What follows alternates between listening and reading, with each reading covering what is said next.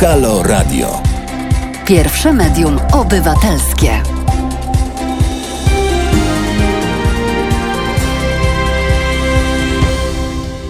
Na zegarek godzina 19.05. Przed mikrofonem e, Mariusz Kowalczyk. Bardzo serdecznie Państwa witam, jak w każdą sobotę. E, dzisiaj zaplanowałem dwa tematy. E, pierwszy to zaprosiłem warszawskiego taksówkarza, który ma nam opowiedzieć o prawdziwym życiu, bo przecież mamy, często słyszymy w telewizji, jak politycy mówią, Dzisiaj jechałem z taksówkarzem i taksówkarz mi opowiedział. Oni wtedy chcą tak bardzo pokazać, że znają życie i są dwoma nogami na ziemi.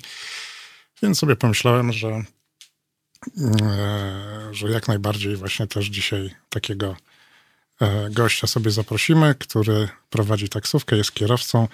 Właśnie wszedł, spóźniony, ale uśmiechnięty. E, i cóż, a dru w drugiej godzinie, od godziny 20, yy, porozmawiamy sobie o, yy, o tym, do czego prowadzi upadek praworządności, upadek instytucji, upadek i taki rozjazd w ogóle instytucji, ich zanik, instytucji państwowych, sądownictwa. I o tym opowie nam Katarzyna Kwiatkowska-Moskalewicz, autorka książki E, zabić smoka, ukraińskie rewolucje. E, ale korzystając, że już nasz gość jest właśnie w studiu, dzień dobry. Dzień dobry wszystkim, cześć Paweł jestem. Mhm. Tak, jesteś Paweł. E, słuchaj, jak to, jak to jest? To jest, że się spóźniłem. Mm, nie, no to, że już się spóźniłeś, to wiem, dlaczego się spóźniłeś. Po prostu nie mogłeś tutaj zaparkować. Jesteś takim taksówkarzem, który, który nie wie, gdzie się w centrum Warszawy parkuje. Ale ja wiem, gdzie się E, przepraszam, ja nie wiem, czy ciebie słychać w ogóle. Czy kolegę słychać? Powiedz raz, dwa, trzy jeszcze. Raz, dwa, trzy. O. Dzień dobry wszystkim. O, teraz cię słychać, tak. E, dobrze, to zacznijmy z grubej rury. No dawaj. Od razu. Mm, najdziwniejsze zamówienie, jakie miałeś jako kierowca taksówki, które po prostu jak je usłyszałeś, to ci opadły ręce, potem opadła ci głowa, a potem opadły ci, nie wiem, co ci jeszcze mogło opaść. Oczy, powieki. Wiesz co? Możeś mnie zażył. Mhm. Totalnie, bo naprawdę nie wiem. Co to znaczy dziwne, no każdy jest nietypowy, bo każdy jest inny, wiadomo, każdy człowiek jest inny. Mhm. Chociaż no tak przeciętnie, no to człowiek jedzie z punktu A do punktu B. No tak, no to I jest... właściwie na tym, i na tym się kończy. No, czasami trzeba zaliczyć po drodze jeszcze punkt C. Aha. Może nawet tych punktów C być nieco więcej. Tak jak na przykład raz jeden gość w okresie przedświątecznym miał chyba z kilkanaście takich paczuszek do rozwiezienia do swoich kontrahentów. Aha. No to więc jeździliśmy dosłownie po całej Warszawie. Aha, aha. No ale powiedzieć, czy to czy to dziwne? Nie, no nie jest to dziwne. E, nie będziemy ukrywali, że trochę się znamy i kiedyś też przecież jeździliśmy taksówkami. Na przykład mieliśmy takie mm, prośby do panów kierowców, a proszę nas zawieźć na przykład na jakąś fajną imprezę, prawda? Czy takie, no czy, czy, czy, takie, te, takie hmm, prośby tak. też słyszysz? I co wtedy, gdzie wtedy e, wodzisz ludzi? Słuchaj, wiesz co, mm, kiedyś jeszcze, tam nie wiem, za dwa lata temu, faktycznie miałem taką fazę, że jeździłem po nocach. Mhm. Czyli w dzień sobie spałem, jadłem, nie wiem, byłem w domu, wieczorem wygrzebowałem się na miasto i tak sobie jeździłem po mieście. Mhm. E, czasem to było ze zlecenia, czasem z tak zwanej łapki, czyli jak ludzie po prostu łapią taksówkę z ulicy, prawda? Więc no, co, co robią ludzie w nocy? W nocy ludzie albo wracają z imprezy do domu, mhm. albo w nocy ludzie wracają z imprezy, brzydko mówiąc, się gdzieś dobić. Mhm. A czy to jest dziwne? No to nie jest dziwne. No to nie jest dziwne. dziwnego. No to nie ma, nie ma nic dziwnego. Aha. Więc albo jeżdżą od klubu do klubu, albo mhm. jeżdżą z klubu już, no tak jak mówię, gdzieś tam się dobić, no bo po prostu najlepiej, żeby pojechać do domu, wtedy jest najspokojniej, każdy, wszyscy są mili. Chociaż. No właśnie, chciałem cię zapytać, no. czy masz. czy było niemile? E, najbardziej, naj, najbardziej niemiła sytuacja e, wiesz z pasażerem, co, ewentualnie była, pasażerką. Była, była, była. Rzeczywiście najbardziej niemiła. To jest taka, że um, najpierw gość właściwie nie wiedział skąd on chce jechać.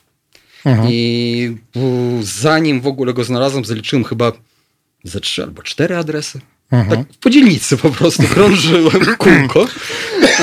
Ale nie w różnych miejscach miasta. No na szczęście nie, to wszystko się działo na Bielanach, więc nie krążyłem pomiędzy Bielanami, Bemowem, a nie wiem, Ursynowem. Okej. Eee, No, później gość też miał problem z wyartykułowaniem, gdzie właściwie chce jechać. No, to był. I to jeszcze wszystko było miłym początkiem.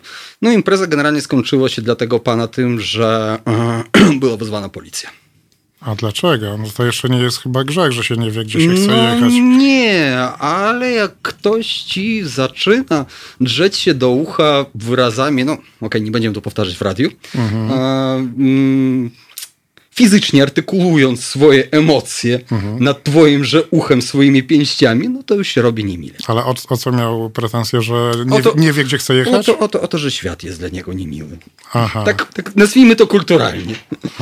Więc no niestety trafiło na mnie. Mm, W momencie, gdy się zorientował, że policja została wezwana, no to się szybko ulotnił z auta. Co, Więc- policjanci przyjechali i Nie zdążyli dojechać. Na szczęście nie mieli już po co przyjeżdżać, więc tak jak mówię. może zamówił kolejną taksówkę. E, nie wiem. Nie wiem, wiedzieć nie chcę i no, ale to była jedyna w moim życiu taka naprawdę no, sytuacja nieprzyjemna. A, raz, raz jeszcze gość y, też w nocy y, nie chciał zapłacić. Znaczy nie tylko nie chciał zapłacić, ale też nie chciał wysiąść. Bo, wiesz co, wiesz co, roz- rozumiem jak on ucieka z auta, prawda? No to jeszcze postępowanie jest w miarę logiczne, Tak. ale ten zapłacić nie chciał. Przy, przy tym mówił cały czas, że on chce zapłacić, a jednocześnie nie płacił. Cały czas Ale siedział. czy rachunek był wysoki? Może E, był wysoki rachunek? Powiem tak, y, w granicach przyzwoitości.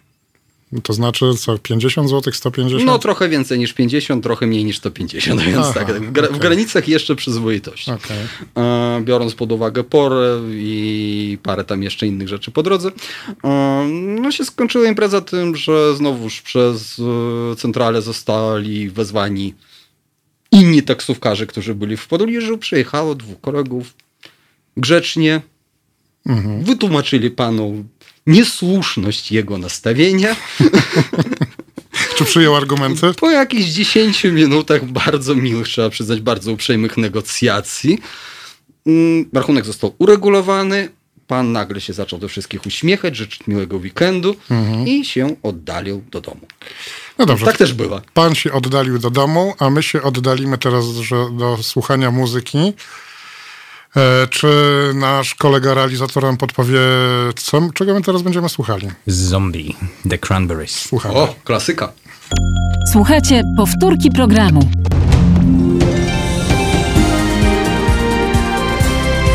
Halo Radio. Godzina 19.18, przed mikrofonem e, Mariusz Kowalczyk. Jesteśmy w Halo Radio, jest bardzo miła atmosfera, słońce świeci i rozmawiamy z naszym... Jeszcze raz wszystkim cześć. E, tak, to się odezwał nasz gość, e, kierowca taksówki warszawskiej, bo chcemy się dowiedzieć od kolegi, jakie jest życie tak naprawdę w mieście. A to przecież chyba się można zorientować jeżdżąc taksówką w dzień albo w nocy. Dlatego chciałem cię zapytać, e, następne pytanie, jakie chciałem ci zadać, najśmieszniejsza sytuacja, jaką miałeś e, z pasażerami. No śmieszne, tak, tak z głowy, tak trudno tak sobie przypomnieć. No ale tak skoro już gadamy o jakichś nocnych tematach, ale uwaga, uwaga, słuchajcie, później przejdziemy do dziennych, błagam, litości, na tym kończymy nocne Dobrze, tematy. no, no, no, no. Otóż Jeszcze zobaczymy. e, mm, parę razy się zdarzyło mm, wieść ludzi, znaczy obcokrajowców, e, turyści, biznes, nieważne, w delegacji jest ktoś, ktoś w Warszawie. No i ludzie pytają, co by tu zrobić o tej porze? A pora jest na przykład, nie wiem, 23, 24. No to wcześniej. No to wcześniej, co by tutaj zrobić?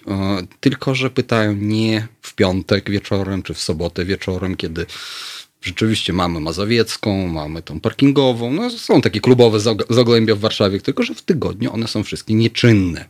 Naprawdę? No naprawdę, no niestety, taka jest prawda.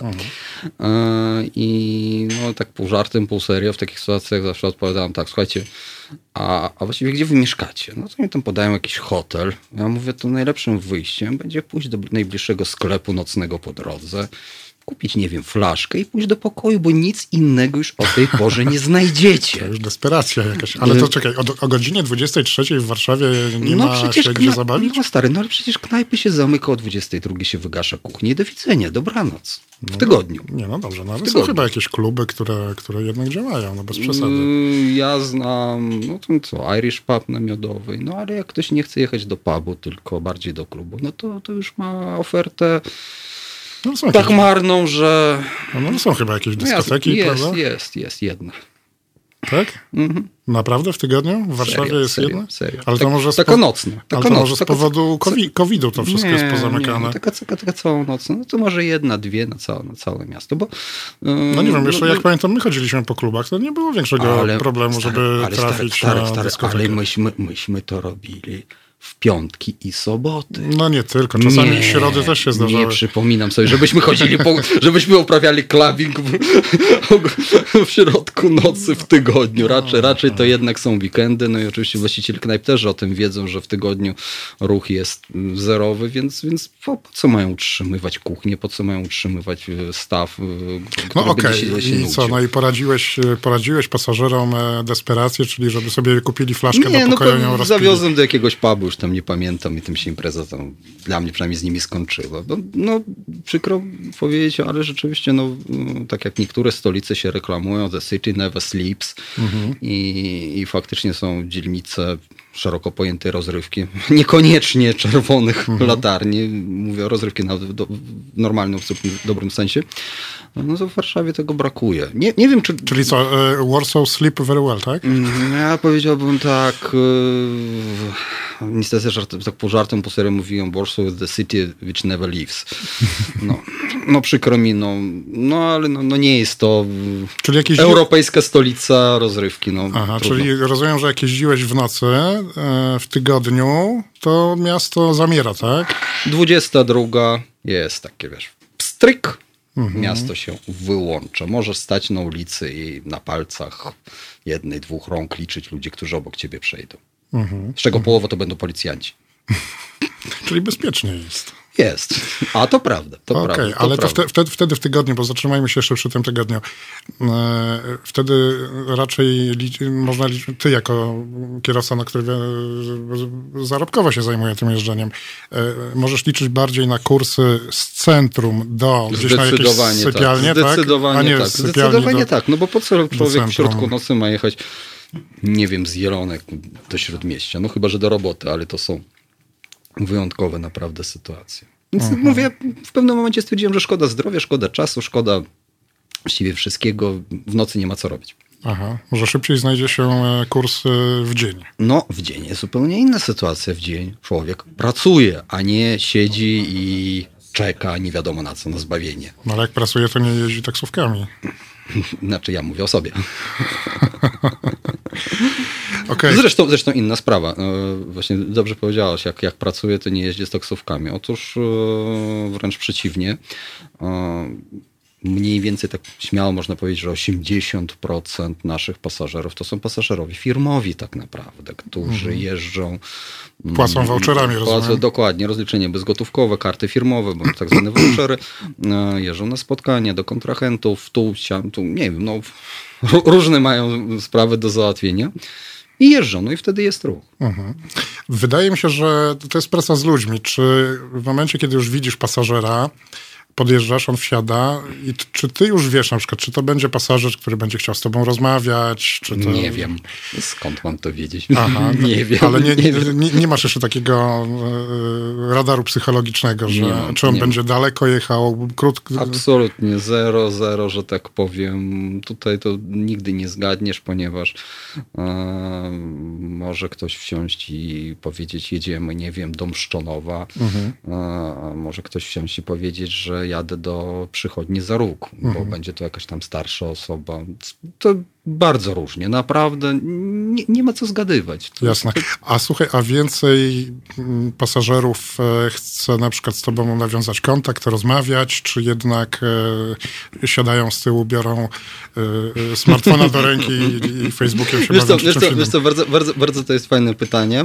E, I mm, no wiadomo, jak się siedzi w samochodzie, to ja akurat y, jestem człowiekiem dość gadatliwym, a więc dla mnie to jest miłe, jak y, się da z kimś pogadać. Mm, I czasami, naprawdę, czasami to są o, tak niezwykle sympatyczni, przyjaźni, otwarci ludzie. Mówię to wprost, że to po prostu, no, mm, że wiesz co, jedyne co mi się chce w takiej sytuacji, to po prostu postawić ten samochód gdzieś na uboczu i pójść z tym człowiekiem na dobrą, naprawdę taką dobrą, zimną wódkę. Ale to nie jesteś na wódce, tylko w pracy wtedy. No niestety, niestety i to się wtedy kończy, natomiast to, no ja tak Czyli mówisz, że zdarzają się też sympatyczni pasażerowie. E, Słuchaj, tak naprawdę tak mniej więcej z 10%. No tak z mojej obserwacji, tak no z grubsza Mhm. około 10% to są właśnie ludzie, z którymi by się naprawdę naj, najchętniej to by się poszło na, do, na dobrego drina, takiego po prostu. Mhm. Bo tak, tak mili, tak sympatyczni, tak się jedzie, że no po prostu sam przebywanie z takim człowiekiem jakby razem, konwersacja, no to jest, to jest sama czysta przyjemność.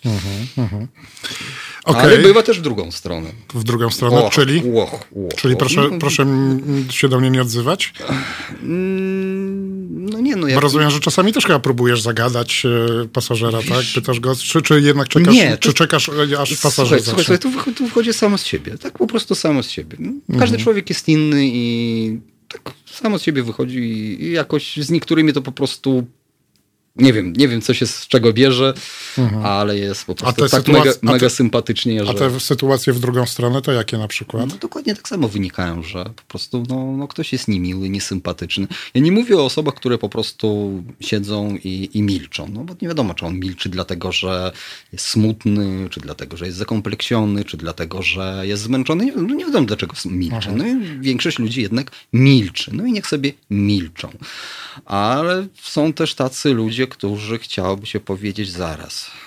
Weź się lepiej, przepraszam, zamknij. Znaczy ty byś chciał do nich tak powiedzieć, tak? Tak, tak, tak. A dlaczego? Znaczy, wiesz co, no to jest też takie, oczywiście to jest, y, nie jest to takie znowu jednoznaczne, bo powtarzam, każdy człowiek jest inny, jest tylko i wyłącznie człowiekiem, Mhm. prawda? No ale z drugiej strony, jak ktoś ci w, y, wsiada, mm, pierwsze co robię, to wiesz, odpala telefon i zaczyna gadać. Mhm. No to, że ktoś z kimś rozmawia, to jest normalne, no po to jest nam dan Mhm. darmowy, prawda, żeby rozmawiać. Już się bałem, że powiesz, I że prostu, że, że to jest nie, nie, nieprawidłowe zachowanie w taksówce. I telefon, żeby też przez telefon Mhm. rozmawiać. Ale mimo wszystko, kierowca jest też człowiekiem, prawda? Mhm. I jest bądź co bądź obcym człowiekiem. I naprawdę może być mu niezbyt miło wysłuchiwać teksty typu Mamo, nie wysyłaj mi więcej tych pierogów, bo ostatnio po nich miałam takie rozwolnienie, że siedziałam dwa dni w toalecie. No ale co w tym złego? No co w tym złego? No dobra, ale jeżeli wysłuchujesz przez pół godziny o siedzeniu w toalecie, to może cię po prostu, brzydko mówiąc, szlak trafić. Mhm, Ale jeszcze raz mówię, no później oczywiście się z tego śmiejesz, ale w pierwszym momencie no, odczuwasz lekkie... Zażenowanie, No tak? mówię dokładnie, dokładnie, dokładnie. Mówiąc prosto, zażenowanie. E, Okej, E, a słuchaj... Moim zdaniem to po prostu szanujmy się nawzajem. Po prostu. Pasażerowie, kierowcy, szanujmy się nawzajem. I moim zdaniem gadka przy osobie obcej o kupach nie jest wyrazem szacunku wobec tej osoby obcej. Jaki ty wrażliwy się zrobiłeś. No, wiesz co? Pozory mylą. Okej, to zejdźmy z tego tematu może, e, ale interesuje mnie też e, taka sprawa. E, najdalszy kurs, jaki e, pasażer zamówił u ciebie. Słuchaj, jeżeli chodzi o mnie, no to było ponad 300 kilometrów pod Wrocław. Z Warszawy, tak? Z Warszawy, zgadza się. Mówimy cały czas o Warszawie i to był kurs rzeczywiście pod Wrocław, żeby było zabawniej. E, muszę cię poprawić. Otóż pasażer nie zamawiał tego kursu, bo nie było pasażera. Tylko co Kurs było? został zamówiony przez firmę, która wysłała do innej firmy takie kilkukilogramowe pudełko. Mhm. I za tą przesyłkę, którą miałem dostarczyć w ciągu tam powiedzmy nieco ponad tam czego i tam się jedzie tą S8. Piękna droga, naprawdę, naprawdę, rewelacyjnie się jedzie. E, no, Zapłacili odpowiednio jak z licznika, no wiadomo. No wiadomo, to ile? No, Tak ponad- mniej, więcej. e, 1100 zł. 1100 zł, tak? Tak jest. Tak Ale już wracałeś na pusto. No, wracałem niestety na pusto i żaden blabla kar nie pomógł, ponieważ była to już taka pora, kiedy wracałem, że już nikt z Wrocławia do Warszawy nie chciał jechać. Znaczy mówisz, że BlaBlaCar nie pomógł, że, ty próbowałeś, tak? Z, No, złapać e, no. e, Jakby klienta. ktoś, jak, jakby ktoś nie wiedział, co to jest BlaBlaCar, to jest słynny, już od dawna, od wielu lat działający serwis, gdzie kierowca może zgłosić po prostu miejsce wolne w samochodzie, jadąc, nie wiem, z miasta A do miasta B. Mhm. Pisze, że jedzie na przykład z Wrocławia do Warszawy o godzinie, nie wiem, 18. No i może zabrać tam dwie, trzy osoby. No, No jasne. taki autostop internetowy. No, Tak. nawet, nawet autostopu internetowego nie było. Wracałem całkowicie na pusto. Ale my się teraz w tej trasie na chwilę zatrzymamy, żeby posłuchać muzyki e, i będziemy słuchali czego? Meatloaf, I'd do anything for love. Kolejna klasyka roku. To jest powtórka programu. Halo Radio. Gadamy i trochę gramy.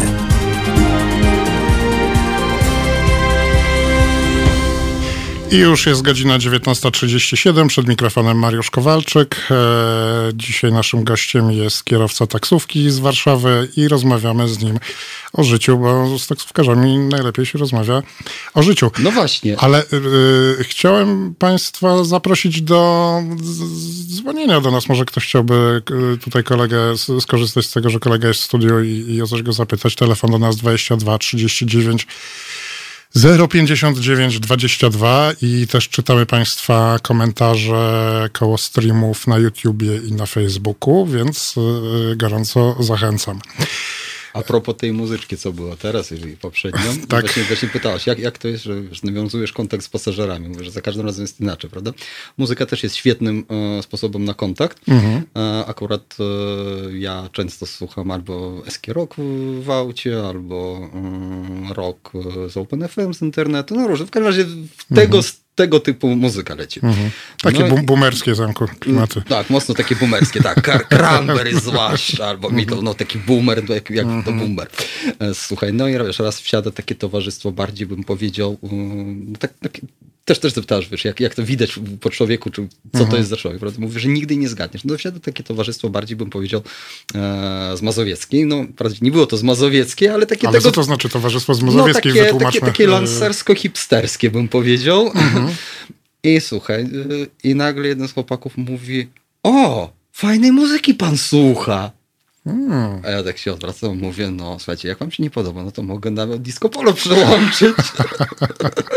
no bo to wiesz, taki stereotyp, że, że jak taksówkarz to, to z wąsem, przypalony fajkami i słucha disco polo. No, no to jest zupełnie inaczej. To, słuchaj, jak żeśmy się rozgadali, cała droga przez całą Warszawę z Rembertowa na mocno dalekie Bemowo, naprawdę To minęło- rozumiem, no, że- właśnie mówię, no muzyka może być takim świetnym pretekstem do, Do nawiązania- do nawiązania takiego, wiesz, e, kontaktu. Aha, aha, aha. E, A słuchaj, chciałem cię, chciałem cię zapytać o taką rzecz, no bo mm, pa, panuje też takie przekonanie, że mm, jak wsiadamy do taksówki, to ten taksówkarz nie myśli o niczym więcej, tylko jak nas e, naciągnąć na większy rachunek. I kiedyś mm, no, pierwszym takim sposobem na to było to, że czasami czasami kierowca wiózł nas e, 5 kilometrów e, przez e, 15 kilometrów. Wiem, przez Otwock, tak. Na tak, przykład na- albo przez inne miłe miasta. E, Czy, czy, czy, czy teraz, jak teraz ta w- ogóle sytuacja wygląda? Wiem, czy, wiem. czy dalej się ludzi robi w trąbę balona, w no ten wiem, sposób? wiem, czy, czy w inny sposób się robi w trąbę? Jak ty robisz ludzi w trąbę? Słuchaj, mi się nie chce robić ludzi w trąbę, ponieważ, mówię to wprost, mi się nie chce lubi, ludzi robić w trąbę, ponieważ ja wiem, że znacznie więcej zarobię, e, wożąc ludzi uczciwie. Wprost, mówię to wprost, rzeczywiście tak. Em, nie opłaca się kantować. Nie, nie, ma, nie ma to sensu, nie, zwłaszcza mm, w sytuacjach, gdy właściwie każdy ma smartfona i każdy może sobie sprawdzić tak naprawdę, gdzie ma jechać i ile to zajmie czasu, ile to będzie kilometrów i że będzie to 5 kilometrów, a nie 15, więc y, to po prostu, jeszcze raz mówię, to nie ma sensu, to raz. Dwa, że mówiąc prosto, jest to rzecz y, nielegalna. No aż, wiadomo. Aż do utraty licencji włącznie, to prawda, jeżeli cię ktoś na tym przyłapie. A To, to czyli rozumiem, że jeżeli pasażer złoży skargę i zostanie udowodnione, że nie zachowywał się kierowca uczciwie, tak? Zgadza się, zgadza się, zgadza się. E, Ja akurat jeżdżę e, w korporacji, więc e, pierwszy telefon od pasażera, pierwsza skarga i, i mam problemy. Już pomijając e, to, że mam taki kurs za darmo. Znaczy w sensie pasażer ma za, za darmo. Więc e, to nie jest tak, że każdy pasażer, tfu, przepraszam, każdy kierowca myśli o tym, jakby pasażera naciągnąć. Nie, oczywiście każdy kierowca myśli o tym, żeby kurs był jak najdłuższy, jak najdalej, no bo wtedy zarobi. Ale mówimy cały czas o zarabianiu, a nie o ożynaniu klientów, bo to jest, to jest, to jest zupełnie, że tak powiem, inna sprawa. Mm, Jest To- jakieś przesterowywanie tych taksometrów, Mm. jeszcze w latach 90. to było modne. Słuchaj, ja o tym słyszałem, powiem wprost. Słyszałem, Mhm. tak, słyszałem, ale nigdy czegoś takiego nie widziałem osobiście. Ja się z tym nie spotkałem. Mhm. Ale to słyszałeś, że ktoś tak robi, tak? Tak, tak. Oczywiście słyszałem o tak zwanych dopałach. Co Yy, to za dopały? Dopał, tak zwany dopał, czyli jakiś, jakiś mikrochip, który jest wbudowany, podłączony do taksometru, który powoduje, że na przykład nie jest ci taktowany ten taksometr, że co kilometr 2 zł, czyli tam co 500 metrów złotówka, e, tylko na przykład e, widzisz cały czas tą jedynkę, pierwszą taryfę na taksometrze, ale ci biją na przykład 4 zł z kilometra. No, no, ja o tym słyszałem, ale jeszcze raz mówię, sam o tym nie, sam tego nigdy nie widziałem i wiem, że lepiej tego nie stosować, bo mogą być konsekwencje dla takiego kierowcy łącznie ze sprawą karną. No tak, ale czy to jest do wykrycia w ogóle? Wiesz co? No przy badaniu taksometru tak. No to no, Badanie, badanie techniczne. no to przy, przed ale- badaniem się tego chipa wyciąga i już załatwione. No, jeżeli ci policja auto zarekwiruje, no to nie zdążysz go wyciągnąć, wiadomo. Więc, no ale to już są. mów- Mówię jeszcze raz, ja nigdy w życiu się z tym nie spotkałem i nie znam osobiście nikogo, kto by się z tym spotkał. Wprost mówię. Słyszeć, słyszałem, ale ja nie wiem, czy to jest taki, wiesz, urban legend, nie wiem. Więc nie rozstrzygnę tego. Natomiast y, za wszystkie, no tak powiem wprost, bo ludzie się boją jeździć taksówkami, też słyszałem, bo się boją właśnie ożynania. No, słuchajcie, powiem jedno. Y, Jeździcie taksówkami korporacyjnymi. Wybierzcie jakąś korporację, która Wam odpowiada, jeśli chodzi o cenę, o flotę, o poziom usług i jeździcie z tą korporacją. Rozwiązywanie wszelkich konfliktów, wszelkich problemów przez korporację jest dziecinnie łatwe. Naprawdę. Jeden telefon do centrali i sprawa zostanie wyjaśniona w ciągu paru minut. Jeżeli centrala uzna, że Wy macie rację, no to macie kurs za darmo. Po prostu. Okej. Źle? E, Chciałem cię zapytać, czy ty jako taksówkarz korporacji też, też tak bardzo nie lubisz tych kierowców e, Uberów, e, Boltów, tudzież innych aplikacji? E, wiem, drażliwy temat. Dlaczego drażliwe? Normalne. E, Słuchaj, jeśli chodzi o, znaczy są, są dwie sprawy. Mm, Pierwsza sprawa, jeśli chodzi o kierowców, kierowców jako ludzi, jest mi ich zwyczajnie po ludzku szkoda. Mówię wprost, szkoda. Dlaczego szkoda? Szkoda dlatego, że e, chłopaki się mordują za bardzo marne pieniądze. Bardzo i to naprawdę bardzo marne pieniądze. e, Co po prostu nie ma sensu. Słuchajcie, co za problem dzisiaj po wszystkich nowelizacjach ustawy transportowej zrobić papiery na taksy i jeździć na taksówce za w miarę jeszcze uczciwe, po, po jakichś tam w miarę uczciwych stawkach z, w, na w miarę uczciwych warunkach. Ja bym na przykład bardzo nie chciał, żeby ci kierowcy przeszli wszyscy do korporacji, bo będzie o wiele drożej. Dlaczego o wiele? O wiele drożej? Serio? Dobra, Mariusz, ja ci pokażę jedną rzecz. Tak zupełnie, zupełnie, Pokaż. że tak powiem, no, naszym klientom też. E, czasami e, jeżdżę pod Free Now czasami wynika to z tego, że... FreeNow to jest aplikacja, tak? Tak, tak. To wynika to z tego między innymi, że mieszkam pod Warszawą, więc dobre parę kilometrów się nie chce jechać z powietrzem do miasta, więc staram się złapać jakikolwiek kursu. Tam. Wyceny są bardzo różne. Mm, wiadomo, słabych wycen nie biorę, bo to po prostu szk- prosto, szkoda, szkoda samochodu, szkoda zdrowia, ale zdarzają się takie kwiatki, no to, to pokażę. Zaraz, sekundkę, gdzieś to było. E, Zdarzył się kurs raz z. Czekaj, gdzie, gdzie to było? Gdzie to było? Gdzie to było? Sekundkę, tak, tak żeby nie skłamać, więc. No nie, no nie kłammy. No, nie kłammy, dobra. E, Otóż taka wyszła wycena. Szanowni Państwo, to nie jest moja wycena. A propos, a propos że e, taksówkarze nacią- naciągają klientów. Proszę, kto tu widzi? Mszczonów, lotnisko Okęcie. To jest ile kilometrów? 50. Zaokrąglając. 47. E, Wycena z aplikacji. 265,68 zł polskich. No. Kiedy ja się dowiedziałem o tej wycenie, bo zapytałem pasażera, zadzwoniłem, zapytałem, jak to jest, on mi tyle powiedział. Ja, nie wiem, możecie stwierdzić, że jestem idiotą albo jakimś, nie wiem, naiwniakiem prokonsumenckim, ale ja mu powiedziałem, proszę pana, niech pan wyłączy ten kurs, skasuje, ja pana zawiozę za normalne pieniądze. no. Czyli normalne za taki kurs to jest ile? E, zaraz ci powiem. E, problemem było to, że e, gość był Francuzem. E, no niestety Francuzi w masie nie najlepiej mówią po angielsku, więc żeśmy się nie dogadali. A ja w ogóle niestety nie mówię po francusku. Wobec tego kurs został wyceniony tak, jak wyceniony. Gość zapłacił tyle, ile zapłacił. Z czystej ciekawości włączyłem też licznik. Z licznika W swojej taksówce, tak? Tak, tak, no, swoje, oczywiście. Korpor- Wio- wio- korpo- korporacyjny tak, wioząc licznik. go, wioząc Mhm. go uczciwie według licznika. Okej. Słuchajcie, wyszło mi 180. 180. Mhm. Różnica 85 zł na niekorzyść pasażera. Mhm. Pasażer oczywiście, tak jak powtarzam, miał propozycję z mojej strony. Anuluj zlecenie i jedziemy na licznik. Mhm. Nie zrobił tego, pojechał tak, jak pojechał. Czyli co, chcesz powiedzieć, że są droższe niektóre aplikacje? A może to ta aplikacja, a może ta aplikacja wiedziała, że ten pan jest Francuzem? Eee. Bo my nadal żyjemy w takim przekonaniu, że ci ludzie z zachodu to są, mają tyle pieniędzy, że nie odczują różnicy.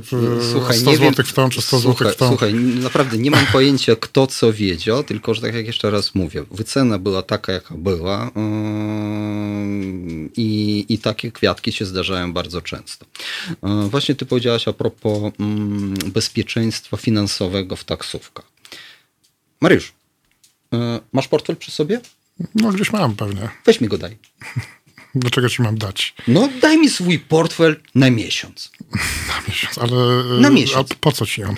No jak to? Po co będę go trzymał? Będę Dobrze. trzymał na przykład twoją kartę bankową. Okej, Weź do- mi ją daj na miesiąc. Okej, do czego zmierzasz? Do tego, że, że, do że oddajemy wszystkie numery swoich tak, kart? Tak, tak. Oddajemy komuś, nie mając nad tym tak naprawdę absolutnie żadnego panowania. No ale to nie tylko im oddajemy, oddajemy bardzo wielu e, serwisom Pra, internetowym. pra, prawda jest taka, że im Numery mniej kart. oddajemy, tym jest bezpieczniej. W taksówce zasada jest prosta. Skończyłeś, dojechałeś na miejsce, prawda? Stwierdziliśmy, tak, to jest ten adres, jesteśmy na miejscu, tu się rozliczamy.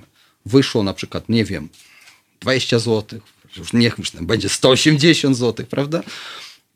Akceptujesz cenę, dajesz pieniądze, dziękuję, do widzenia, prawda? Ja nie mam, jako kierowca, żaden kierowca nie ma dostępu do Twoich pieniędzy. W żadnym absolutnie najmniejszym zakresie. To Ty dysponujesz swoją płatnością.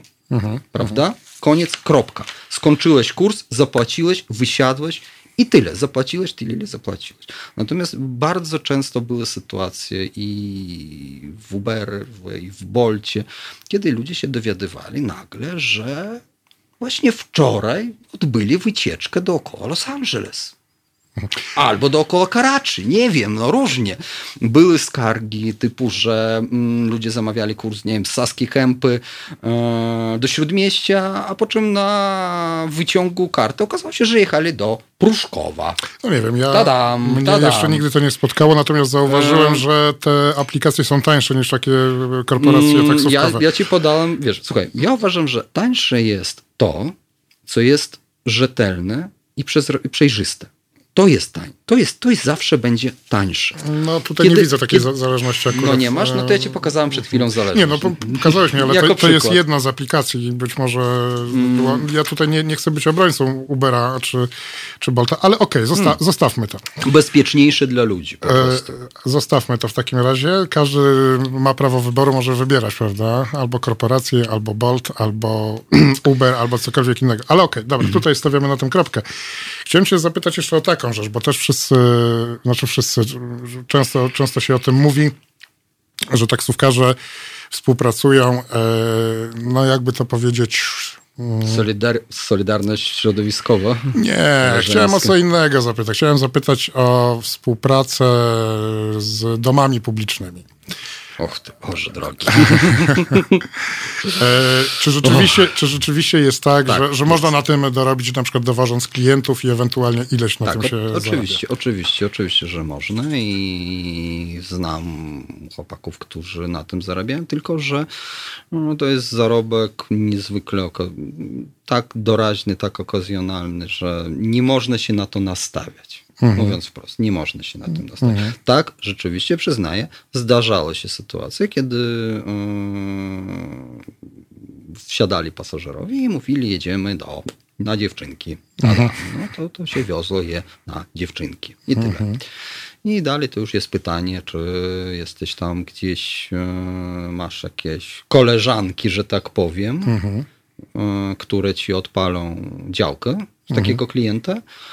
No ja akurat nigdy się w tym nie specjalizowałem, ja nigdy nie stałem gdzieś pod hotelami. Nie, nie moje środowisko. Znam to środowisko, ale jeszcze raz mówię, no nie jest to moje środowisko, ale wiem, że mm, na takim dobrym wjeździe można paręset złotych ugrać.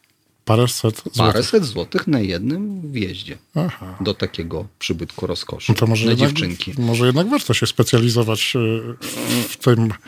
No wiesz, no w tej zacznijmy, dziedzinie. no zacznijmy od tego, Czy to, się, czy to może być niebezpieczne? Znaczy czy... tak, nie, nie. No, Bo to też nie ma, nie ma, nie, ma nic nielegalnego nie, w tym nie, przecież. Nie, jak, jak to nie ma? Oczywiście, że jest. Jest to, jest to przestępstwo zwane stręczycielstwem, czyli formalnie od strony prawnej popełniasz przestępstwo, biorąc te pieniądze, ponieważ zarabiasz na Aha, cudzym tak. Niero- nierządzie. Tak, masz rację. Więc jest to, jest, to, jest to przestępstwo stręczycielstwa, e, to od strony prawnej, natomiast od strony faktycznej, mm, da się na tym zarobić? Równie dobrze możesz, nie wiem, grać w ruletkę, obstawiać na wyścig, ponieważ to są tak sporadyczne sytuacje, że Mhm. nie ma, nie ma, nie ma co się na to nastawiać. Słuchaj, trochę czas nam się kończy, ale chciałem cię jeszcze na koniec zapytać, Dawaj. a zakupy? A, Super sprawa. Uwielbiam, Czy, czy uwielbiam. dalej, dalej, dalej ludzie zamawiają zakupy przez O- o- e, korporacje o- taksówkowe? Oczywiście, że tak. Oczywiście, że tak. I co kupują najczęściej? E, No, w naszym systemie operatorskim e, skrót, że zlecenie dotyczy zakupów, e, wygląda bardzo wymownie, czyli znaczek procent. Więc, Czyli, że trzeba alkohol kupić, więc tak? wiadomo, wiadomo co, czego dotyczy 90% zakupów. Aczkolwiek 90%? tak, 90% zakupów to jest ta czy inna flaszeczka. Ktoś chce wódeczkę, ktoś chce whisky. E, Znam taką jedną panią, która notorycznie zamawia piwo. E, Raz pamiętam, zamówiła takie piwo, którego nigdzie w żadnej okolicznej, w żadnym okolicznym sklepie nie było. W końcu zdesperowany za- zadzwoniłem tu i zapytałem, czy koniecznie musi być to. Ona powiedziała, nie, może być jakiekolwiek, tak powiedziałam dla żartu. Myślę, ty cholero jeden. Od pół godziny latam po całej ochocie, szukam tego piwa, nigdzie tego nie ma. Najczęściej to jest oczywiście wódeczka, czy tam biskacza ludzie zamawiają, chociaż znam jedną dziewczynę, która mieszka w Śródmieściu. Ona notorycznie wysyła całą listę zakupów. Raz ta lista liczyła, pamiętam, chyba z 15 pozycji. O Jezu. I takie zakupy ile kosztują? Może to się opłaca? E, To znaczy dowóz takich zakupów, zrobienie takich Tak. zakupów 35 zł. 35 zł. Jeżeli sobie tak. zamówię no, na tydzień zakupy, to przywieziesz?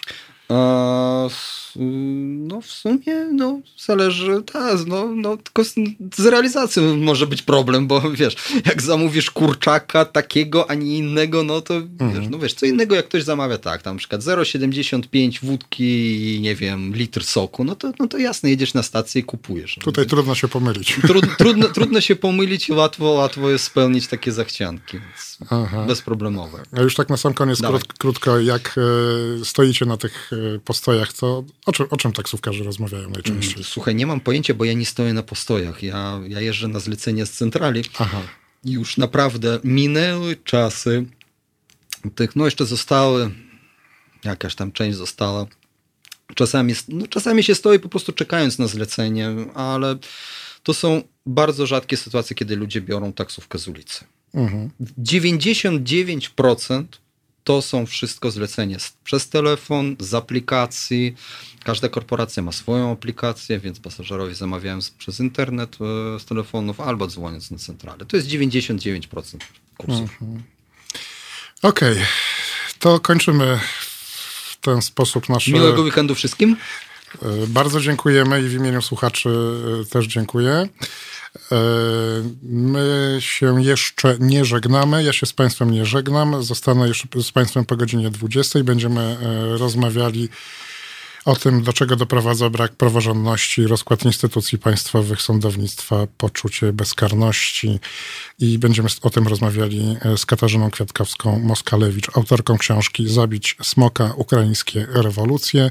Teraz posłuchamy przez chwilę muzyki i po godzinie 20 się znowu słyszymy i widzimy. Słuchajcie powtórki programu.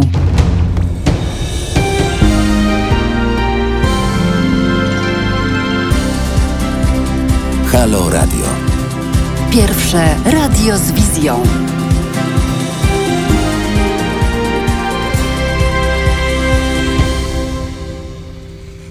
Dwie minuty po godzinie 20. Jesteśmy w Halo Radio. Przed mikrofonem e, Mariusz Kowalczyk e, i zaczynamy kolejny temat. E, Na ten temat wpadłem trochę, trochę na podstawie tego zatrzymania naszego byłego ministra e, Sławomira Nowaka mm, za jego pracę na Ukrainie, mm, gdzie był e, szefem takiej agencji, która się zajmuje budową i, budową i remontami dróg Ukrawtodor, w skrócie się ona nazywa. Generalnie jest to ta instytucja, ona zawsze słynęła z tego, że jest bardzo mocno y, skorumpowana. I moi znajomi z Ukrainy trochę się dziwili, że akurat e, Sławomir Nowak, który tutaj u nas też miał e, no, de- delikatne problemy mm, z zadeklarowaniem na przykład drugiego zegarka, że właśnie tam idzie i, wpada w te wszystkie schematy korupcyjne, które, które w tej ukraińskiej instytucji tam były znane. A jaka jest korupcja mm, akurat w tej instytucji na Ukrainie, to można się przekonać jadąc tam samochodem, gdzie e, wiele, wiele dróg e, to, to, no to są po prostu dziury, e, resztki asfaltu, które lep, lepiej omijać i co po niektórzy wybierają nawet e, drogi polne. E, Także rzeczywiście na pewno, nie rozstrzygając, czy Sławomir Nowak e, jest winny, czy nie, ale pokus na pewno tam nie brakowało.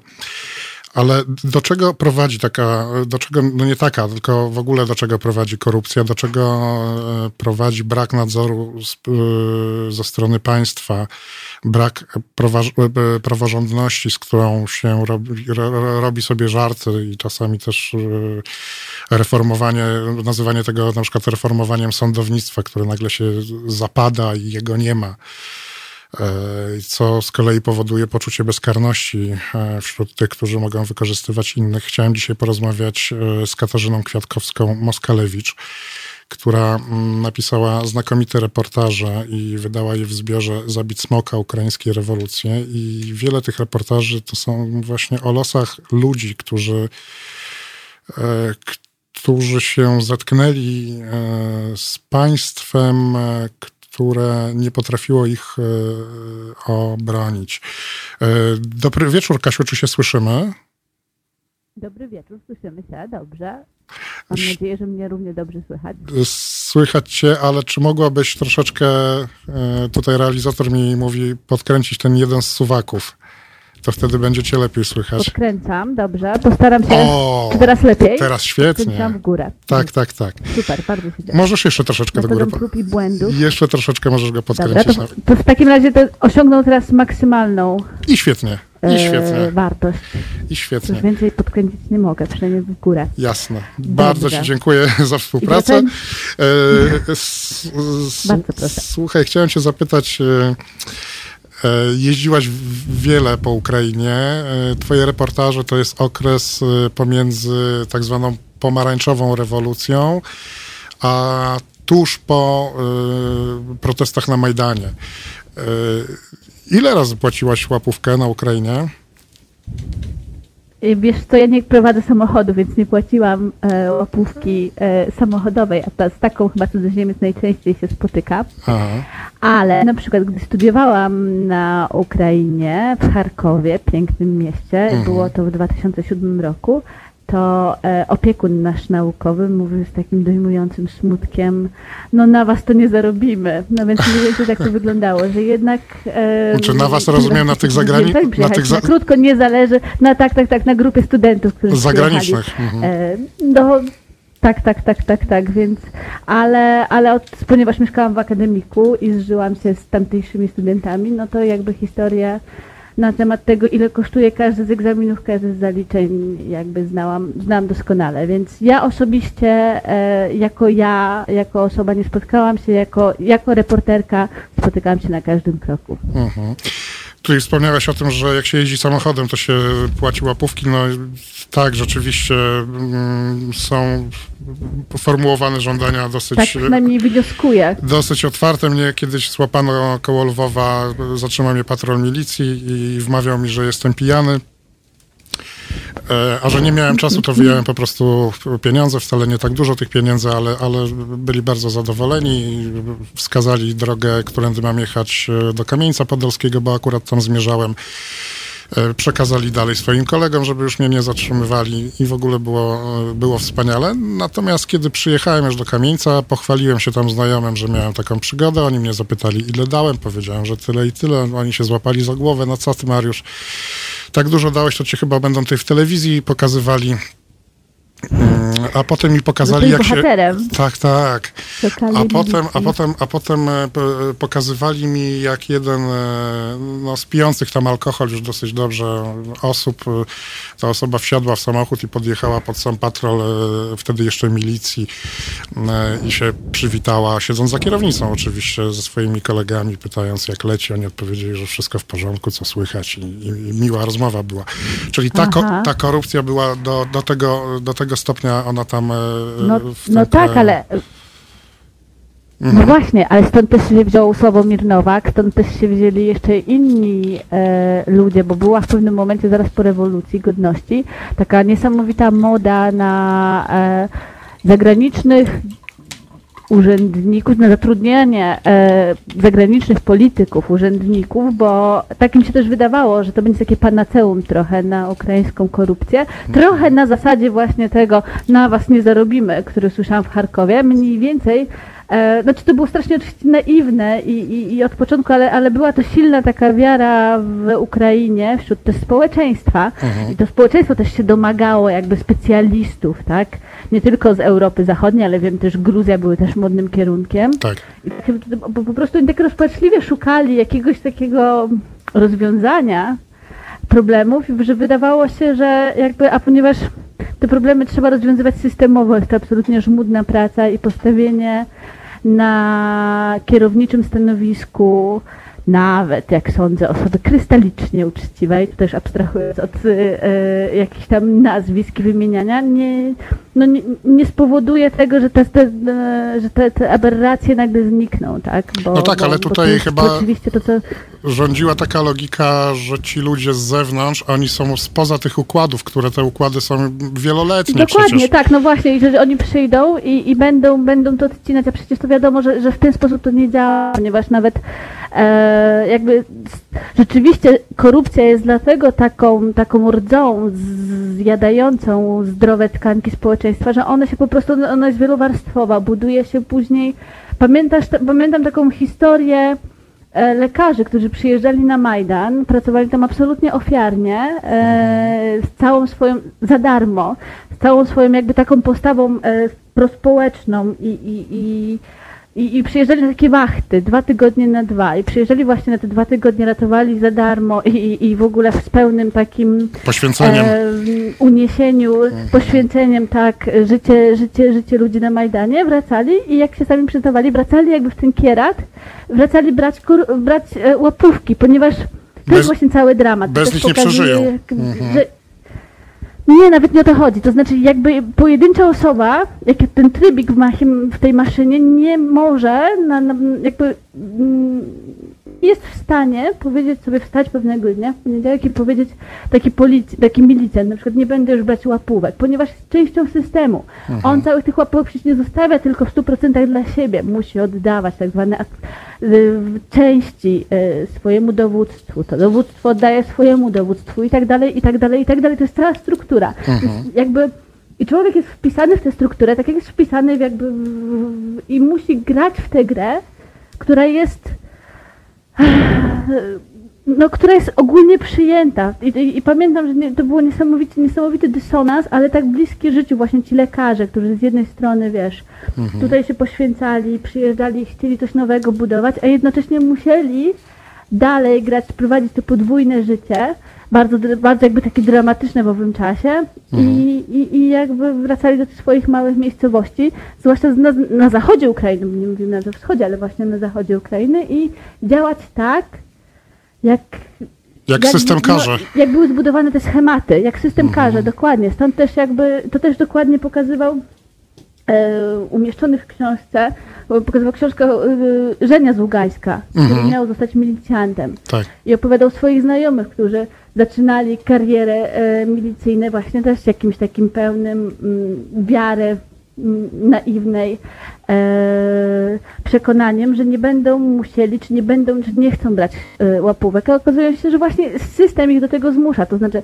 oczywiście zawsze jest wybór, bo można po prostu jakby, nie wiem, przestać pracować na przykład. Tak No Żenia wybrał poszedł- właśnie, przestał pracować. poszedł tak, dokładnie, więc, więc nawet, nawet, nawet trudno w jego przypadku mówić, że przez, po prostu przerwał naukę w szkole milicyjnej.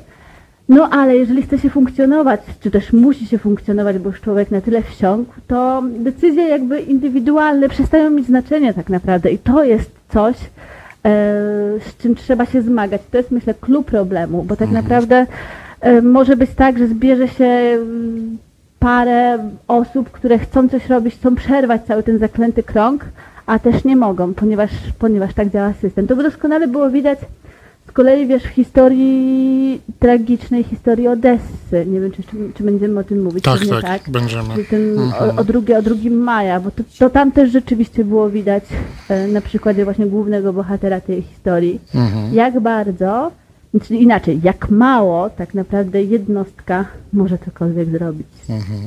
Okej, właśnie o tych poszczególnych e, przykładach, które opisałaś w swojej książce, e, porozmawiamy w następnym wejściu. E, A słuchaczom tylko powiem, że są to historie no po prostu mrożące krew w żyłach. Także proszę, zostańcie z nami. Przez kilka minut posłuchamy muzyki i wracamy do naszej, do rozmowy z, z naszym gościem. Słuchajcie powtórki programu.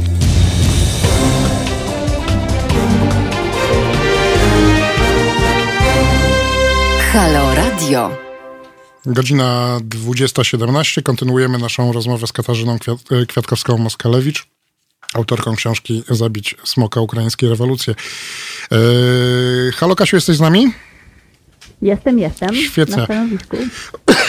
Obiecałem słuchaczom, że porozmawiamy teraz o konkretnych przykładach, które ty opisałaś. I powiem ci szczerze, że mną wstrząsnęła ta historia Ały, która straciła mieszkanie w centrum Kijowa, bo miał na nie ochotę młody radny miejski.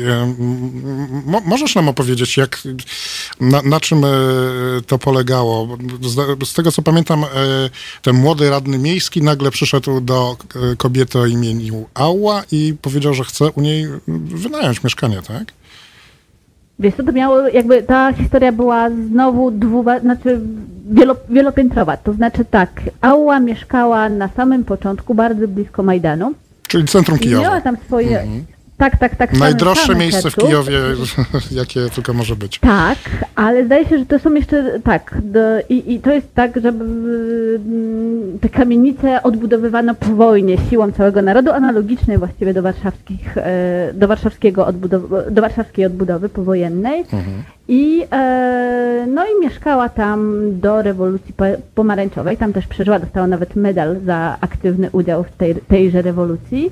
No ale e, jej mieszkanie spodobało się z kolei, zdaje się, ministrowi oświaty ówczesnemu. Aha. Ale Aua, co mnie zaszokowało dość mocno, ale też jakby przy, powiedziała, że w sumie miała szczęście, ponieważ to było po pomarańczowej rewolucji i e, ludzie ministra postanowili nie działać jak mafia e, mieszkaniała, tylko dogadać się z mieszkańcami. Tych, tych, tych że mieszkańców nie było wielu, więc zapłacono im dosyć e, znaczy mm, dość dobre jak na tę sytuację pieniądze, ale jednocześnie jakby pozbawiono ich wyboru. To znaczy oni nie mieli właściwie wyboru, musieli się stamtąd wyprowadzić, bo podejrzewam, że gdyby odmówili te metody e, stałyby się mniej marchewkowe i zastosowano by właśnie już tradycyjny, tradycyjny w takich wypadkach kij.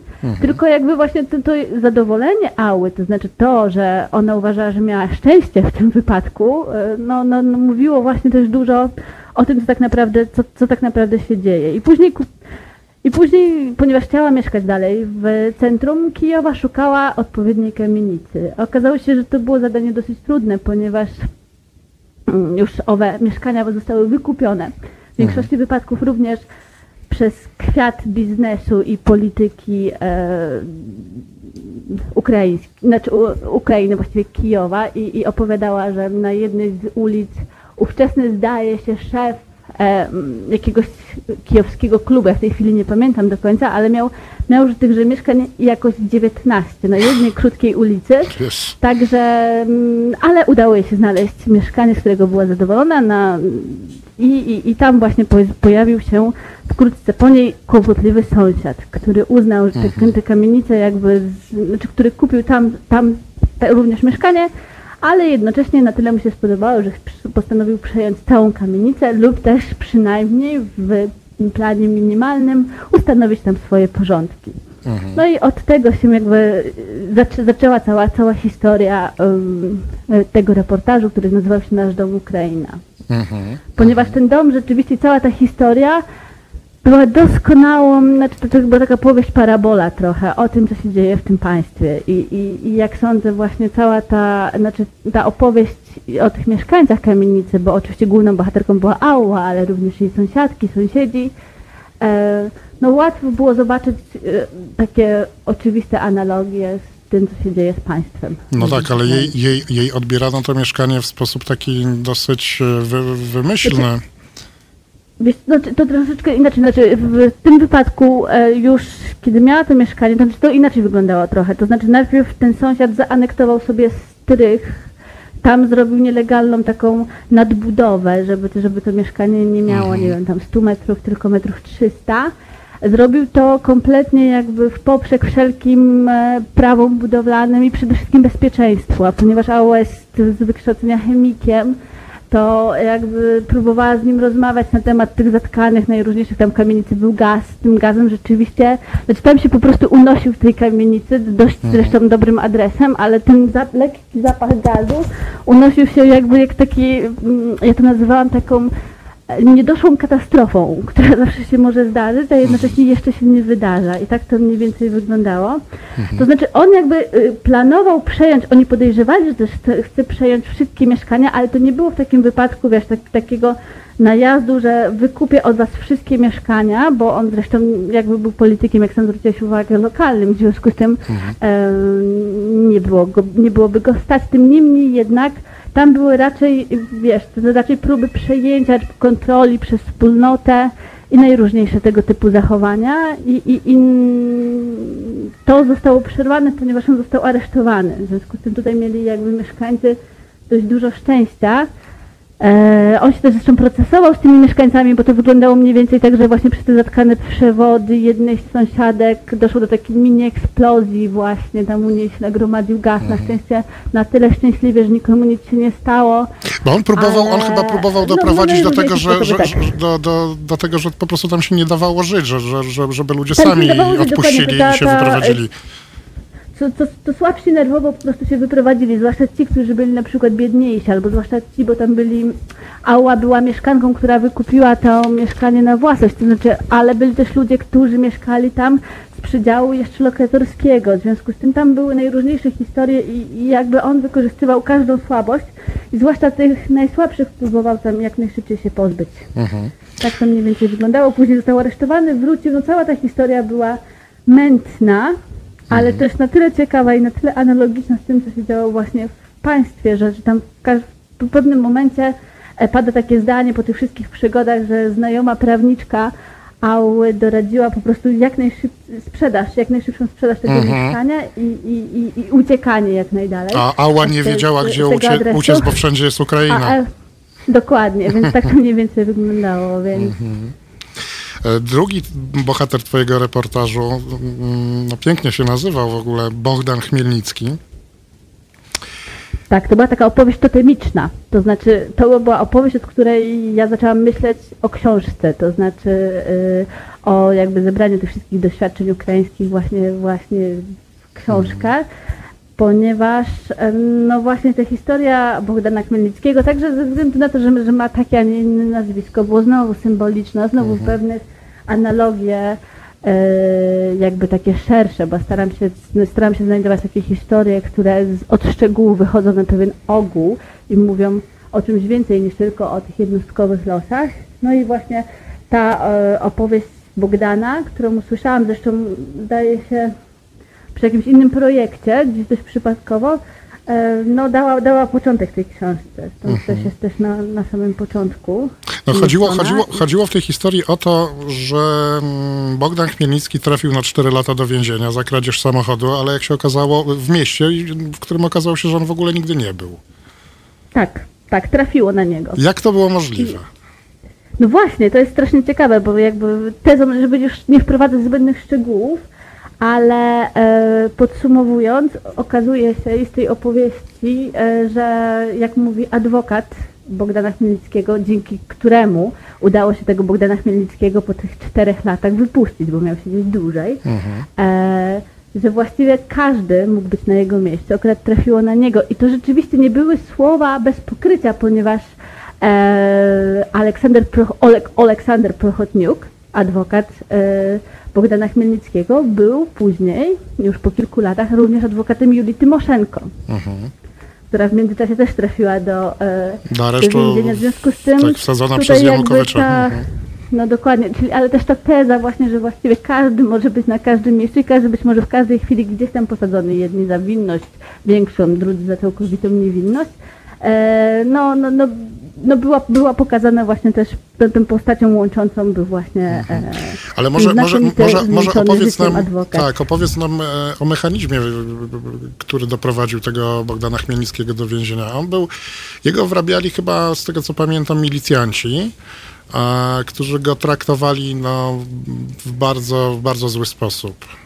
No on się jakby znalazł w odpowiednim miejscu, w odpowiednim czasie. On też do końca nie wiedział, znaczy podejrzewał, kto go mógł wyrobić, że, że, był to, że był to kolega, który być może rzeczywiście był zamieszany w kradzież tego samochodu, o którym mowa, w tym mieście, w którym akurat Bogdan Chmielnicki nie był, ale jak znowu podejrzewał Bogdan Chmielnicki, być może był na przykład jakąś ów człowiek był na przykład jakąś milicyjną wtyczką, albo w każdym razie z jakichś powodów nie chciano go wsadzić, tam nie opłacało się go wsadzić, w związku z tym, a kogoś trzeba było wsadzić, ponieważ przyszedł właściciel e, tego samochodu, po pierwsze domagał się znalezienia winnych, po drugie podejrzewam, że też e, obiecał pewną nagrodę, bo był to, był to, był to człowiek dosyć majętny i, i, i gdzieś tam znaczący właśnie w tym małym mieście.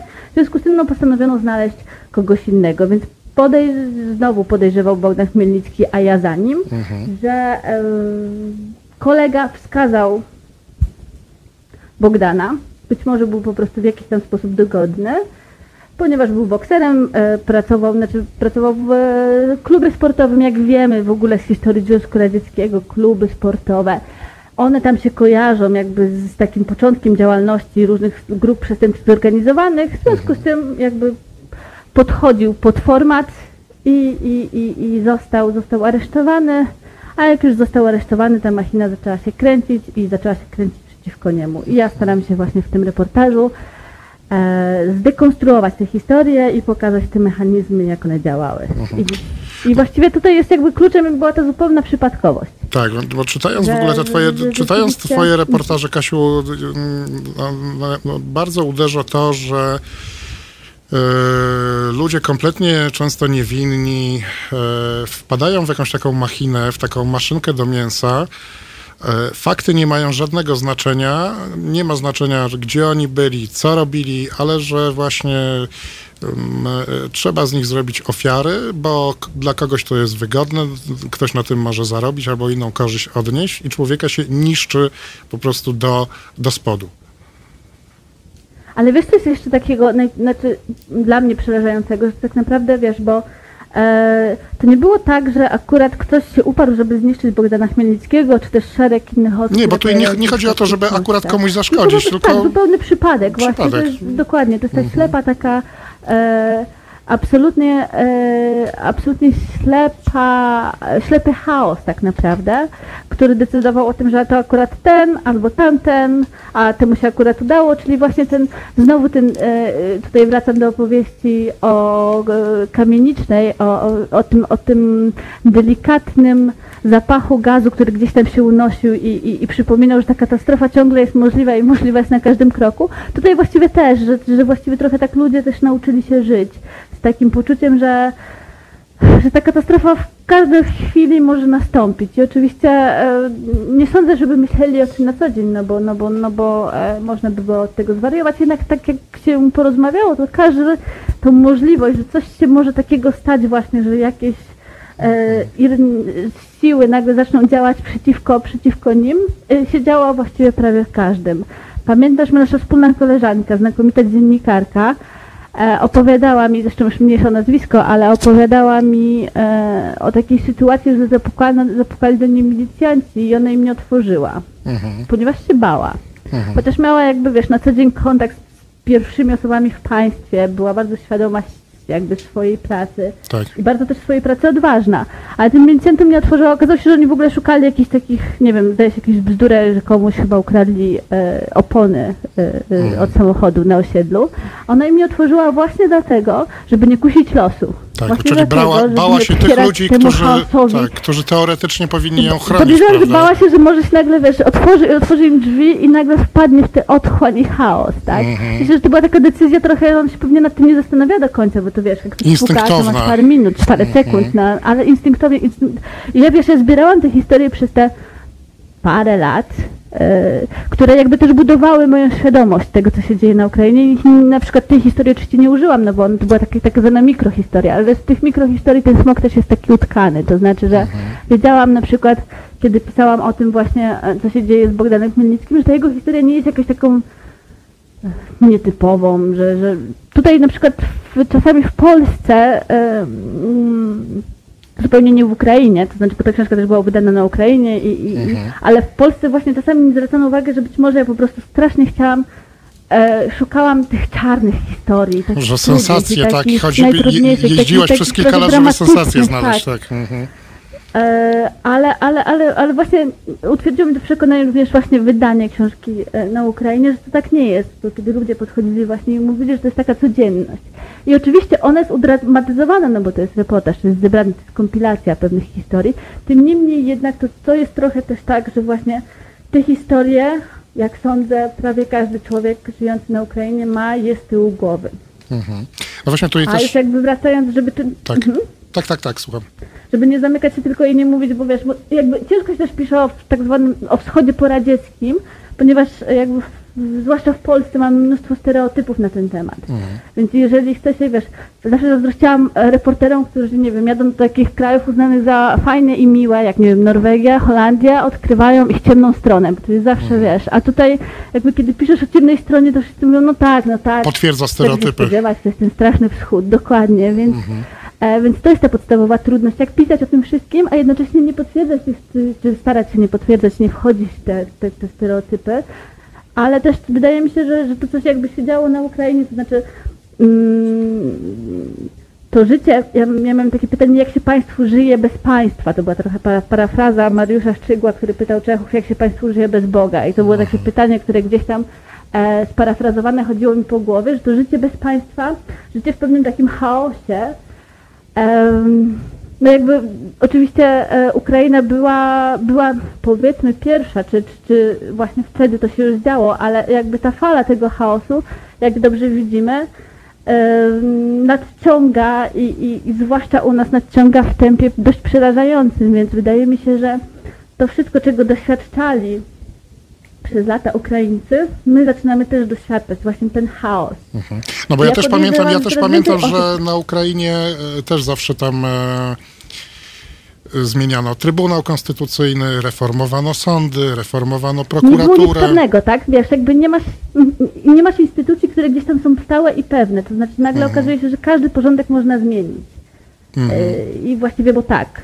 I wszystko można zrobić bez żadnego trybu. I tutaj dokładnie jesteśmy świadkami tego wszystkiego, co się dzieje. No właśnie, to jest to, to, do, do, do czego się dąży, do czego można dojść, kiedy się działa bez trybu. Ja pamiętam twoje mm, też wpisy na Facebooku, ale y, też y, twoje publikacje prasowe, w których opisywałaś na przykład, kiedy już był Majdan, kiedy sądzono ludzi, kiedy sądy ukraińskie tych protestujących sądziły i ty opisywałaś, że to była po prostu taka maszynka, e, raczej taśma do, wie, do więzienia to po prostu.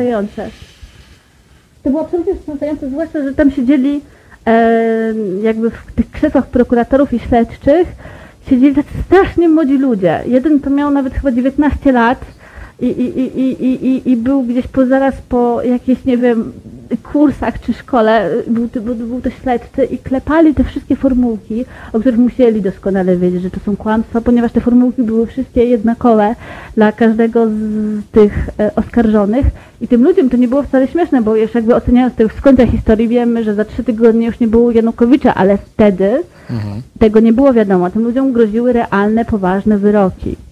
I byli to ludzie i 80-letni, chyba 70-paroletni człowiek był najstarszy. E, I, i, i, i, I właśnie te, i zupełnie młodzi, zupełnie przypadkowi. I, jakby, i dla te tych sądy chyba w nocy pracowały, prawda? I wszyscy. Tak, tak, tak, do czwartej w nocy. Raz, raz najdłuższy był to właśnie to, to w sądzie na Obolonie. W takiej jednej z dzielnic kijowskich siedzieliśmy do czwartej nad ranem. I oni bez mrugnięcia okiem, to było coś absolutnie niesamowitego. To znaczy ci młodzi ludzie, którzy po prostu, no dla mnie to było chyba, chyba najbardziej wstrząsająca właśnie rola tych młodych prokuratorów, młodych śledczych, którzy tak w ogóle bez mrugnięcia okiem, bo już nawet jakby mnie chyba wstrząsnęli mną ci starzy, tacy absolutnie cyniczni sędziowie, którzy przychodzili i tam e, zatwierdzali, bo to chodziło o to, że na początku oczywiście chodziło tylko o, o, o, e, o ten areszt, właśnie o to więzienie realne w formie, w formie znaczy taki aresztu do, do, do procesu. I oni zatwierdzali bez względu na wiek, bez względu na stan zdrowia, bez względu w ogóle na absurdalność tego wszystkiego. Ale, ale najbardziej właśnie, ale jeszcze ci cyniczni, starzy sędziowie nie byli tak szokujący jak owi, owi młodzi, absolutnie młodzi ludzie. I, i, I to wyglądało niesamowicie, tak, tak jak działająca po prostu maślina, przerażające to było gdzieś. A teraz nagle te historie, przecież nie sięgając daleko, o tych aresztowaniach, o tych wszystkich, o tych zachowaniach policjantów, które, o których wiemy, o których mówią ludzie, którzy, którzy zostali jakby właśnie mm, w te swoje historie uwikłani nagle, że, że one są gdzieś tam podobne, tak? Że oni niby umywają ręce i robią, ale robią wszystko, co, co im każą, więc no, mam wrażenie, że... No tak że, działają sądy, tak działa prokuratura uzależniona od być może polityków. przyglądać przyglądać się lepiej i nie na zasadzie zbywania, że tego, co się działo na wschodzie, bo to jest wschód, wiadomo, i tak dalej, bo, bo tak niestety to jest bardzo wygodne, ale jednocześnie bardzo krótkowzroczne, tylko przyjrzeć się lepiej temu, co się działo w różnych krajach. W różnych krajach działo się inaczej, bo to się działo w Rosji jest oczywiście diametralnie inne od tego, co się działo na Ukrainie. Na Ukrainie mimo wszystko, mimo tego absolutnego chaosu, no to, to jednak jest to, była to zawsze inna sytuacja niż, niż te tryby jednak były takie, że ten Bogdan Chmielnicki po tych czterech latach mógł wyjść. No ale, Zresztą ale jednak człowiek by przez 4 nie lata, prawda, miał 4 lata wyjęte z życia swojego. I których nikt mu nie No, zwróci. Widzisz, to, to, on tam na szczęście to sobie zamienił jakby też swoją opowieść taką, że te cztery lata mógł być, ale oczywiście no, nie mógł być chociażby z dzieckiem swoim cztery, Mhm. te cztery lata i tego mu nikt nie odda. I, i, i, e, jakby oczywiście on później wykuł z tego jakąś taką swoją opowieść o sobie. O no, więc, więc też był ciekawy, bo jakby dobrze, kiedy ten bohater się zmienia w, w trakcie reportażu, jak akurat Bogdan Chmielnicki z tego zdaje się boksera, zmienił się w prawnika później, poszedł na studia i, i, i jakiegoś tam działacza. No i on oczywiście sobie jakby te historie pozytywnie w siebie wplótł, no bo zresztą nie miał wyjścia innego podejrzewam, no bo jakby pewne, więc, więc pewnie gdzieś tam jego psychika akurat zareagowała w ten sposób, że, że wyniósł z tego maksymalnie to, co można było wynieść dobrego, no ale, ale wielu ludzi kończyło najróżniej, więc, więc, więc to wyglądało No właśnie, tak jak mówię, ten lęk przed tym chaosem na Ukrainie jest absolutnie jakby wszyscy mają go z tyłu głowy, mam wrażenie. I.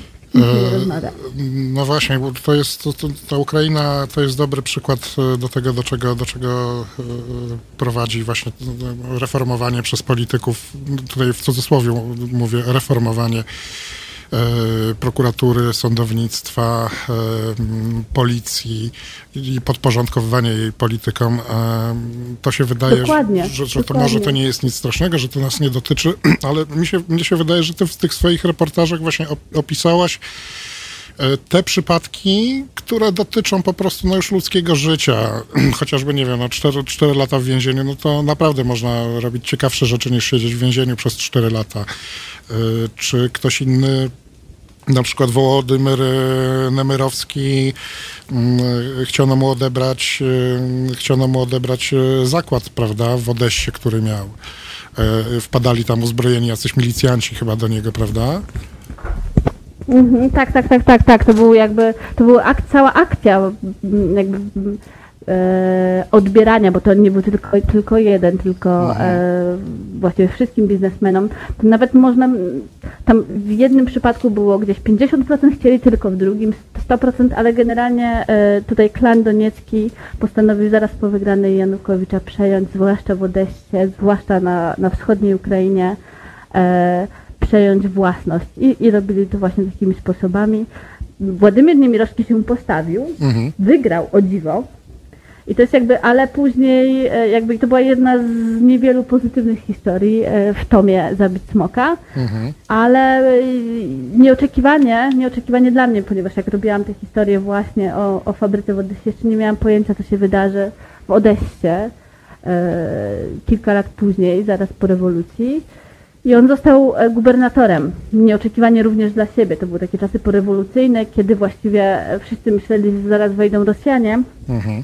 W związku z tym nikt nie chciał zostać tym gubernatorem, a ponieważ on znał Jacyniuka, to jakoś tam po jego prośbie tym gubernatorem został. Jaceniuk to premier były mm, ukraiński. żałował. Mhm.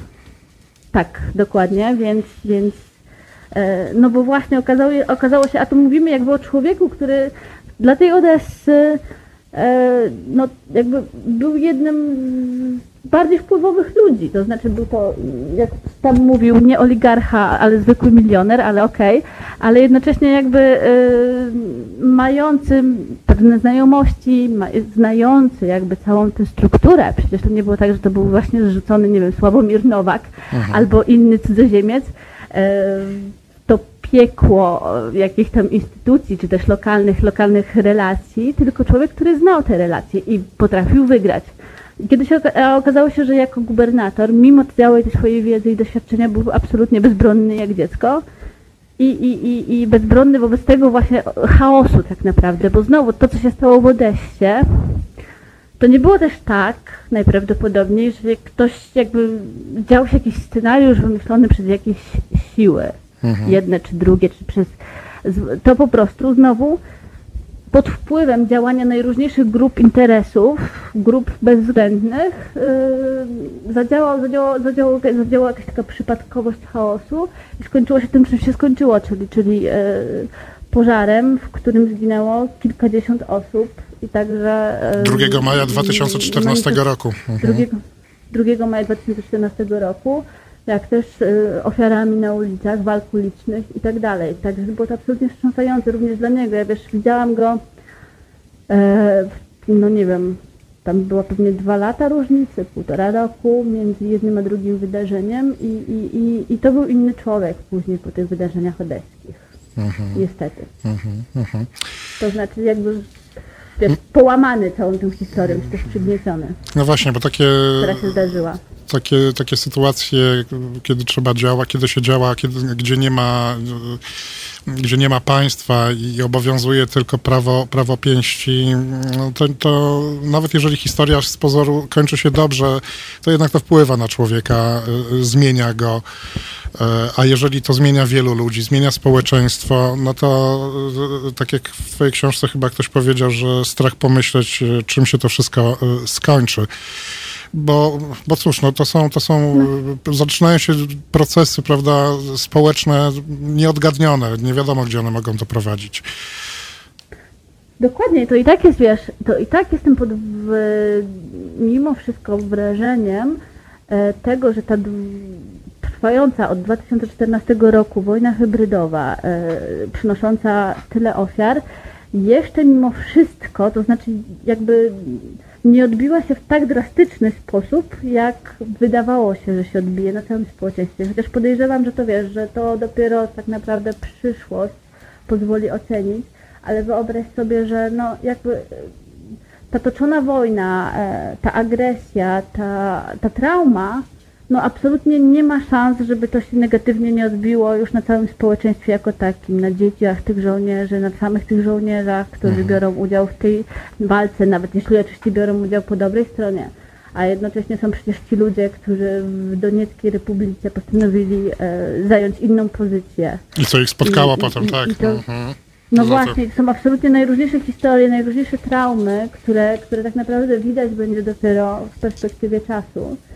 Mm, ale mimo wszystko jakby jestem, mimo to jestem pod jakimś dużym wrażeniem, że no nie wiem, wydawało mi się wtedy, że to, to, to co się dzieje na Donbasie spowoduje jakiś absolutny wybuch takiego ukraińskiego nacjonalizmu, że to jest, nie wiem, zaleje cały ten kraj, wiesz, takie mhm. poczucie. Tak jak sobie wyobrażam trochę, że mogłoby się dziać w Polsce na przykład. Tym niemniej jednak tam się nie stało, mimo tego, że jak pamiętasz, nie wiem czy pamiętasz, jak nas straszono tym ukraińskim nacjonalizmem, zwłaszcza w czasie Majdanu. No tak, oczywiście, że to banderowcy są, a potem się okazało, że ci nacjonaliści w wyborach jakąś śladową liczbę głosów no w ogóle właśnie, dostają, więc...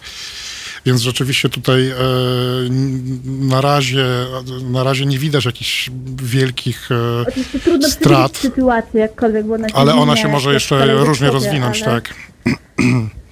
Więc, więc, ale ten chaos niestety widać, tak? Widać, widać go, go na Ukrainie, widać e, widać, znaczy słychać go w opowieściach ludzi, którzy przyjeżdżają tutaj do nas tak. i, i o tym wszystkim opowiadają. No i niestety, ale też jakby ten chaos się rozlewa globalnie, tak? I my tutaj e, w tym chaosie tkwimy coraz głębiej również, jako, mhm. jako, jako, jako kraj, jako Polska. No tak, jak się powąchało chaos na Ukrainie czy w Rosji i, i tutaj się nosem ciągnie, to, to, to jakiś taki znajomy smród, prawda? E, e, no, czuć. No niestety, to znaczy mhm. znajome tendencje rzeczywiście niepokojące. Ja już miałam wrażenie, że coraz bardziej piszę o Polsce w trakcie pisania. To znaczy to jeszcze, a to jeszcze był rok 2015.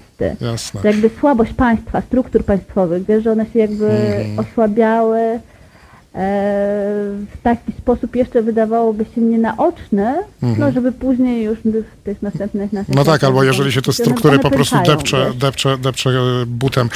Kasiu, musimy już kończyć, bo kończy się nasz czas. E, bardzo Ci dziękuję za dzisiejsze e, spotkanie. Mam nadzieję, że nie ostatnie. Dziękuję, bardzo miło. E, życzymy Ci wszystkiego dobrego i przyjemnego wieczoru. Wzajemnie. Trzymaj się, cześć, Życzę pa. sobie wszystkiego dobrego, tak. sobie jako zbiorowości, bo chyba nam się przyda. Przyda się na pewno, jasne. Wielkie dzięki, trzymaj się. Wielkie dzięki. A ja z Państwem e, już też się będę żegnał. Jest godzina 20.47. E, I cóż, do następnego razu w Halo Radio. E, Znowu będzie miło i ciekawie, mam nadzieję. Wszystkiego dobrego i też miłego weekendu Państwu życzę. Mariusz Kowalczyk, do widzenia.